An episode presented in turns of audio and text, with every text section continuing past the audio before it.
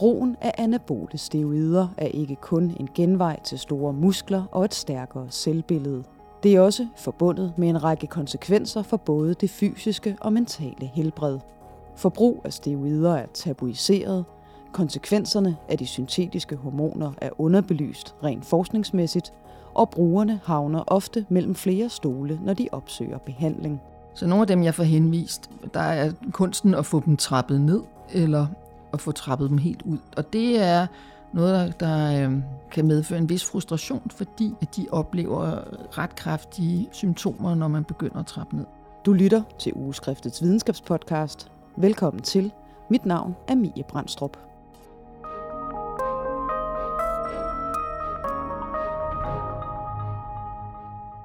Jeg hedder Karoline Kistorp, og jeg er overlæge på afdelingen for hormonsygdomme på Rigshospitalet, og så er jeg professor på Københavns Universitet.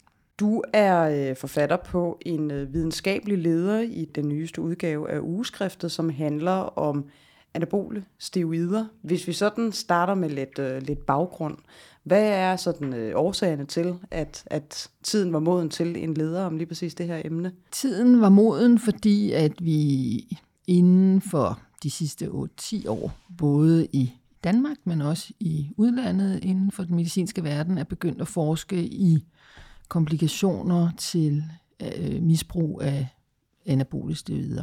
Det betyder jo, at vi begynder at samle en viden omkring, hvad, hvad sker der med ens helbred, når man tager anabole steroider. Så det har været baggrunden for, at nu var tiden moden til, man også øh, har skrevet om det i ugeskrift for læger. Og især fordi, at vi os, der interesseres for, for de her patienter, vi har også en interesse i, at den viden, vi har opsamlet inden for de senere år, at den kommer mere bredt ud, både til, til andre kollegaer på hospitaler, men faktisk også især ude i, i almen praksis. Og hvorfor er det et vigtigt område at sætte fokus på? Det er et vigtigt område af flere grunde. Dels er indtrykket, at brugen af anaboliske videre er stigende. Øh, vi ser det i blandt flere og flere unge mænd, stadigvæk især i forskellige sociale lag. Øh, da jeg startede med at interessere mig for det, der var jeg for 7 år siden, var jeg overlæge på Herlev Hospital, og der så vi det primært i det, man sådan populært kalder lavere socialklasser og folk, der ikke havde en lang øh, eller mellemlang videregående uddannelse. Og det, jeg oplever nu, det er, når jeg ser og får henvist de her patienter øh, i vores klinik, eller de kommer og gerne vil deltage i nogle af vores forskningsprojekter, så kommer de fra stort set alle grene af samfundet. De er folkeskolelærer, socialrådgivere, de øh, studerer på universitetet osv., og, så og øh, det er Derfor vores indtryk, og, og det vi så ikke helt alene om, det er, at det bliver mere og mere udbredt. Og den anden grund er selvfølgelig, at vi er bekymrede over de helbredskonsekvenser, som det har at tage de her steroider. Så det er sådan de to primære årsager. Og du nævner også selv, at du har arbejdet med den her målgruppe i en årrække, øh, først på Herlev Hospital og nu på Rigshospitalet. Hvis vi laver sådan et lille øh, overview, hvordan har din forskning i og dit arbejde med den her målgruppe været i, i de her 8-10 år. Grund til, at jeg blev interesseret i området, var, at vi fik flere og flere henvis på Herlev på den endokrinologiske afdeling dengang med bivirkninger til anaboliske videre, og det er sådan noget som det, vi kalder gynekomasti og øh, lav testosteron, det vil sige sådan mandlig hypogonadisme lige efter. Så kom der rapporter ud om, at der var øh, tilfælde af alvorlig hjertesvigt blandt unge mænd, som der havde taget anaboliske videre, hvor man ikke kunne finde andre årsager, når man havde lavet den klassiske gennemgang. Øh, og det betød så, at vi inddrog øh, kardiovaskulære undersøgelser i vores øh, forskning. Så det vi startede med at gøre, det var, fordi vi vidste ikke så meget om det, det var at tage en gruppe øh, unge mænd ind, som der var på steroider, og så tog vi en gruppe, der havde tidligere været på steroider, og det var i gennemsnitligt to og et halvt, tre år siden, de var holdt op. Og så tog vi selvfølgelig en, øh, en restkontrolgruppe. Så det var sådan et klassisk tværsnitsstudie, hvor vi, og så gennemgik vi simpelthen fra top til to med klassiske endokrinologiske undersøgelser, øh, scanninger, ekokardiografi, MR i hjertet. Øh, så det var sådan den måde, det startede på. Og du var øh, lidt inde på det før, at øh, du i hvert fald har en, et indtryk af, at der er et, øh, et stigende, et voksende forbrug, øh, og også lidt om, at, øh, at målgruppen måske har, har ændret sig en lille smule, men, men hvem er øh, brugerne af anabole steroider? Jamen, det, er jo, det, er jo det er selvfølgelig meget forskelligt. Der er nogen, øh, som der øh, tager det, fordi at de øh, måske er et miljø, hvor at, at det giver mening at være meget, meget stor. Øh, det er også vores indtryk, og det er jo en stor diskussion, og en meget interessant diskussion af, hvad er det, der får folk til at, at tage de her stoffer for at opnå et, et øh, kropsideal, som der nok også har ændret sig over tid. Så hvis man kigger på fjernsynsprogrammer, reality-programmer og sådan noget, så vil man se, at de, langt de fleste unge mænd er relativt muskuløse, og noget mere muskuløse, end de måske var for 10-15 år siden. Så der er ingen tvivl om, at idealet, når man er en ung mand, der skal på stranden, det er at have sixpack og så videre. Og der er det bare en, for mange en, en genvej til at opnå sådan den der ideelle krop. Så, så der er helt klart sådan et, en kropsideal ude øh, i tiden, som der gør, at det for mange føles meget naturligt og meget lige til. Så ved de godt, hvordan man skal opnå den krop. Det tager jo rigtig mange år at træne sig til det hvis man ikke får hjælp. Altså når jeg øh, tænker på, på øh, især mænd selvfølgelig, der, der bruger anabole steroider, så tænker jeg på nogen, som er sådan altså voldsomt muskuløse. Ikke? Men er det også nogen, der forsøger at få sådan en, i, i går sådan måske mere almindelig veltrænethed? Det er det helt sikkert. Altså der er jo dels dem, hvor du tænker, at, at det er sådan nogle de der gamle klassiske bodybuilder, der, der ser nærmest sådan helt, helt vilde ud. Øhm, men det er også dem, som der bare tænker, at vi vil bare gerne være almindelig veltrænet. Øhm, så den, den gruppe er der også, og det er måske også formentlig en af grundene til, at, at det bliver mere og mere udbredt. Det er, at det bliver bredt ud i samfundet, fordi det er jo alligevel trods alt de færreste, der har lyst til at ligne øh, en klassisk bodybuilder fra 80'erne, men, men der er jo alle mulige variationer over det tema. Og det der med bare at være almindelig veltrænet, og nogle gange skal det gerne gå hurtigt, det gør, at, at det jo ikke er sådan, du kan se det på alle, der kommer ind ad døren. Og hvad med øh, kønsfordelingen? Øh, du skriver også i dine ledere, at man er begyndt at se flere kvinder, der forbruger steroid af forskellige art. Ja, og det er rigtigt, og, og det er jo en gruppe, som vi ved meget lidt om, og som, øh, da jeg første gang hørte om det for en fem år siden, at kvinder også tog det, så var jeg faktisk ret overrasket, øh, fordi at her har man altså at gøre med nogle kvinder, som der tager et, et mandligt hormon helt ukontrolleret. Og de har jo også en, en kropsopfattelse og en skønhedsideal, der gør, at de skal være mere muskuløse, end man måske har skulle være tidligere. Og de mener selv, de har, har styr på det, de gør, for de tager lidt mindre potente steroider, måske end deres mandlige kollegaer. Men det er jo klart, at når man tager et, et, et kønshormon af det andet køn, så skal der ikke særlig meget til, før man forstyrrer sin egen øh, hypofyse gonadakse fuldstændig. Og måske får man også andre komplikationer, det tror vi, man gør. Øh, og det er, altså, jeg synes, det er dels spændende at, at sætte, prøve at forstå, hvor, hvorfor tør de. Øh, fordi at det er for mig helt øh, uklart, hvordan man kan øh, gøre det her sådan, og tro, at man kan forudse, hvad for nogle konsekvenser det har øh, på kort og på lang sigt. Men det er der nogen, der tror, at det er jo stadigvæk langt flere mænd, der tager steroider, øh, mener vi, men vi ser det også blandt kvinder, og vi er i gang med at lave et, et forskningsprojekt nu, hvor vi også har kvinder inde, og vi ser nogle af dem, som der er ret mandligt påvirket. Og det er muligt, de selv synes, at, at det er det, de gerne vil opnå, men for os andre, der er det, der, der er det overraskende, at man tør det. Og det er jo, det jeg jo primært tænker på, det er jo deres fertilitet. Altså, hvornår kommer den igen, og hvornår? Øh, så tænker jeg på, øh, på, hvordan påvirker det deres kredsløb. Altså vi kan jo se forandringer fra hjertet hos mænd, så man kunne forestille sig, at det måske var endnu mere udtalt hos kvinder, selvom de tager mindre doser, men fordi det er et hormon, som de rent fysiologisk ikke er indrettet til at skulle, øh, skulle tage. Og de sådan øh, fysiske, men også mentale konsekvenser af, af at indtage øh, anabole steroider kommer vi lidt tilbage til. Men har du noget indtryk af, hvordan de starter på det her? Fordi det er jo ulovlige stoffer. Du siger også selv, at det er ukontrolleret. Så, så hvordan kommer de typisk i gang med det? Mange af dem, tror jeg, bliver inspireret af venner og træningskammerater. Øh, jeg tror også, at, eller jeg ved, der foregår rigtig meget ude på nettet af forskellige sociale øh, forer, øh, hvor man diskuterer og udveksler erfaringer med de her steder. Øh, de er nemme at skaffe. Og det, der er rigtig mange miljøer og træningsmiljøer, hvor man i mere eller mindre lukkede grupper diskuterer de her ting. Så, så det er noget meget udbredt. Kan man tale om, at der er nogen, der er brugere, og nogen, der er misbrugere, eller Ja, altså vi, vi, vi har det jo med at kalde det et, et misbrug, fordi det er ulovlige stoffer, og vi tror, at, at det på, på alle områder kan være skadeligt for den enkelte øh, person eller patient. Øh, vi kender jo ikke den nedre tolerable grænse. Der er ikke nogen, der kan fortælle, at en, øh, hvor meget kan du tåle, uden at du ødelægger dit hormonsystem, eller hvor meget kan du tåle, uden du begynder at få øh, Øh, fortykket øh, venstre ventrikelmuskulatur. Øh, det er formentlig ret individuelt, hvor meget øh, man kan tåle. Det er lidt ligesom rygning. Nogle kan ryge til de 90, og andre de øh, kan ryge til de 30. Så sådan er det formentlig også med øh, anabole støder. De fleste mener jo, de er brugere. Og misbruget det kommer fra os, fordi at, at det er ulovlige stoffer, og fordi vi mener, at det har nogle negative helbredskonsekvenser. Men det er klart, der er også, tror vi, eller kan vi se på de studier, vi har lavet, og andre har lavet, der er formentlig sådan på populationsniveau en dosis-respons-effekt. Det vil sige, jo mere du har taget, jo mere potente syntetiske steroider du har taget, og jo længere tid du har taget dem over, jo større konsekvenser ser vi.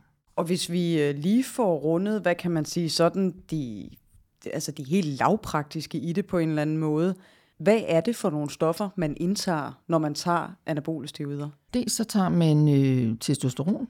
Det bruger de fleste som sådan en slags øh, basis. Så er der forskellige, rigtig mange forskellige syntetiske steroider, som der har forskellige potens. Øh, nogle de øh, giver styrke, nogle de er ligesom til at pumpe musklerne op de har forskellige holdninger til, hvad der er godt, og hvad for nogle kurer man skal tage, og hvordan man skal kombinere det. Nogle af stofferne er så potente, så de øh, får sådan akutte bivirkninger, hvor de lige pludselig får svær, svære ødemer, og der er nogen, der er kommet ind i lungeødem og sådan nogle ting. Så det er sådan en bred palette af syntetisk testosteron som der er noget mere potent end, end selve testosteron er. Og det de så gør, øh, nogle af dem, øh, det er, når de øh, godt kan se, at nu øh, de ved at få komplikationer eller bivirkninger til de syntetiske steroider, så tager de, så selvmedicinerer de sig med testosteron. Hvis vi kigger lidt øh, øh, nærmere på, hvad det er, der helt præcis sker med kroppen, måske også det mentale øh, hos de her brugere, hvad, hvad, øh, ja, hvad, hvad sker der i kroppen? Jamen, der sker det mentalt, og det er en rigtig god pointe, at når du er på steroider eller på højdosis testosteron, så har man, så har langt, langt de fleste mænd det virkelig godt. De synes, det er super fedt. De er vanvittigt meget energi. De kan træne rigtig hårdt, ud de mærker, at opdager ikke rigtigt, når de bliver skadet. Øh, deres sexlyst og drive i det hele taget er på toppen. Og når de så på et eller andet tidspunkt går for dem, at nu må jeg hellere til at holde op, fordi de er jo godt klar over, at et eller andet sted, så kan man ikke gøre det her hele livet, uden at det får konsekvenser. Når de så begynder at holde op, så er det, de får problemer. Øh, det, der jo så sker, når man holder op, det er, at ens eget hormonsystem er gået fuldstændig i stå, mens man er på steroider. Og det vil sige, at når man holder op, så går man altså fra 800 km i timen til øh, 3 km i timen mentalt. Og det oplever de fleste som sådan et, et crash, hvor at de mangler fuldstændig energi. Mange øh, får øh, nærmest tegn til depression øh, deres sexlyst er væk, og så videre. Og nogen, altså, det er lige før, nogen ikke rigtig kan passe deres job.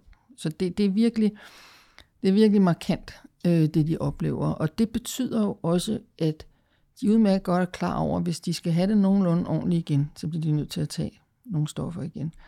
Og, og det, det, man ser så, når man gør det op, det er, og det er måske ovenkøbet lidt konservativt sat, men hos nogle af dem, der er det i hvert fald en tredjedel, der udvikler sådan en form for afhængighed af enten højdosis testosteron eller støder.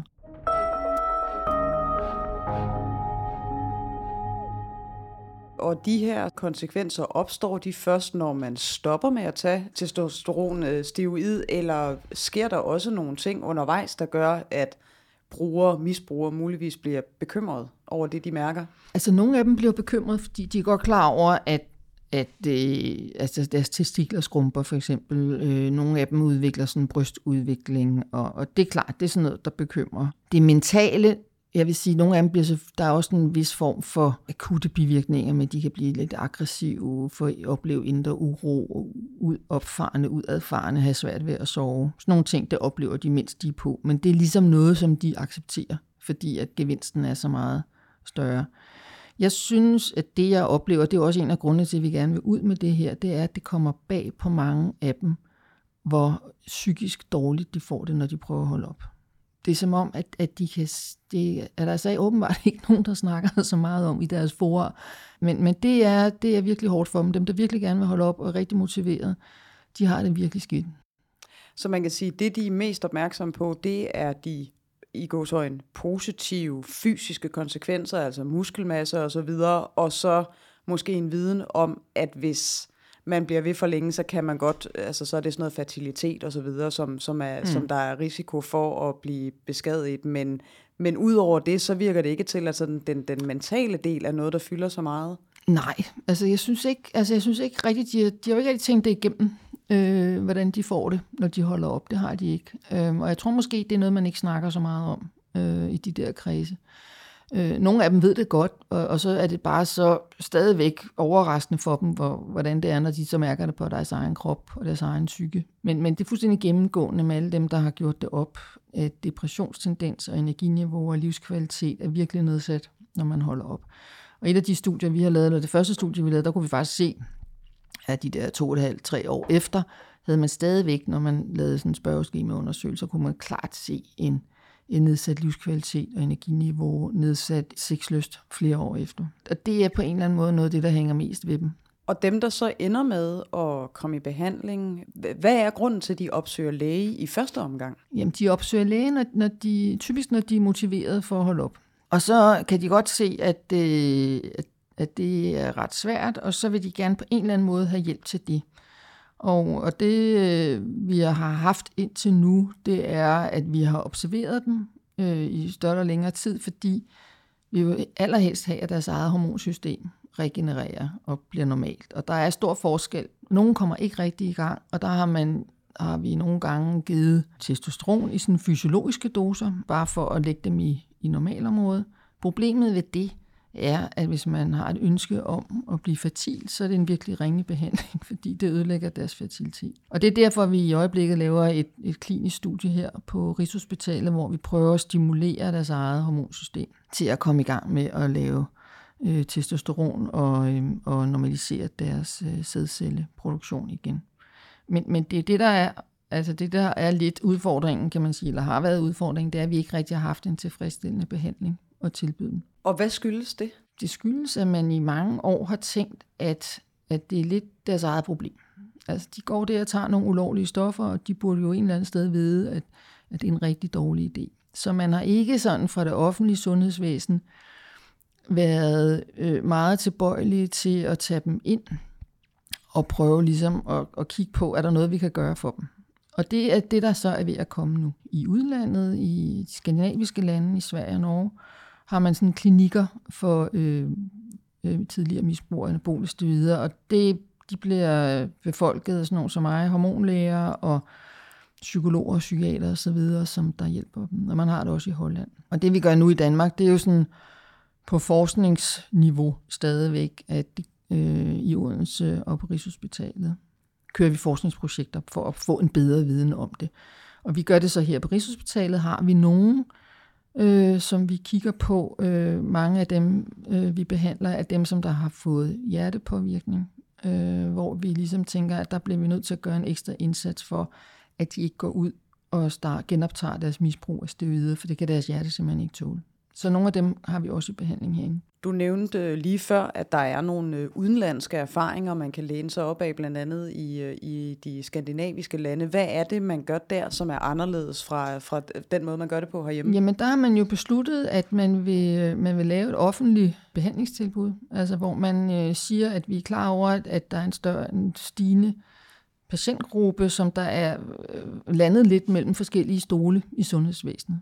Og så har man så lavet de her klinikker, med, øh, med hormonendokrinologer og psykiater, som der er interesseret i den problematik. Og det, der jo er, kan man sige, fordelen ved det, det er jo, at så kan man samle erfaring.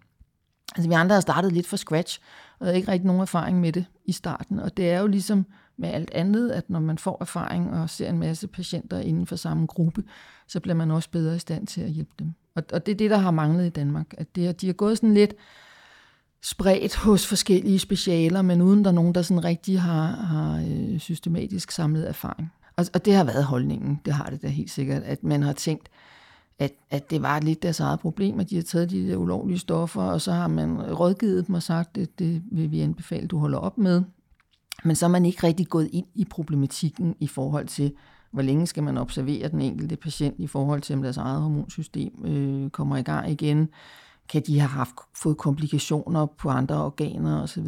Og, og det er det, der virkelig har manglet. Og speci- også det mentale, synes jeg, har manglet, at man ikke helt har anerkendt. Øh, og det kan man sige, det er jo også noget, vi først er gået op for os andre øh, i løbet af årene, hvor mentalt øh, afhængig man bliver af de her stoffer. Og det gør jo, at, at man er ude i en, i et form for misbrug, fordi man, mange af dem de begynder simpelthen igen, når de har haft, levet et halvt år, hvor de har haft det forfærdeligt.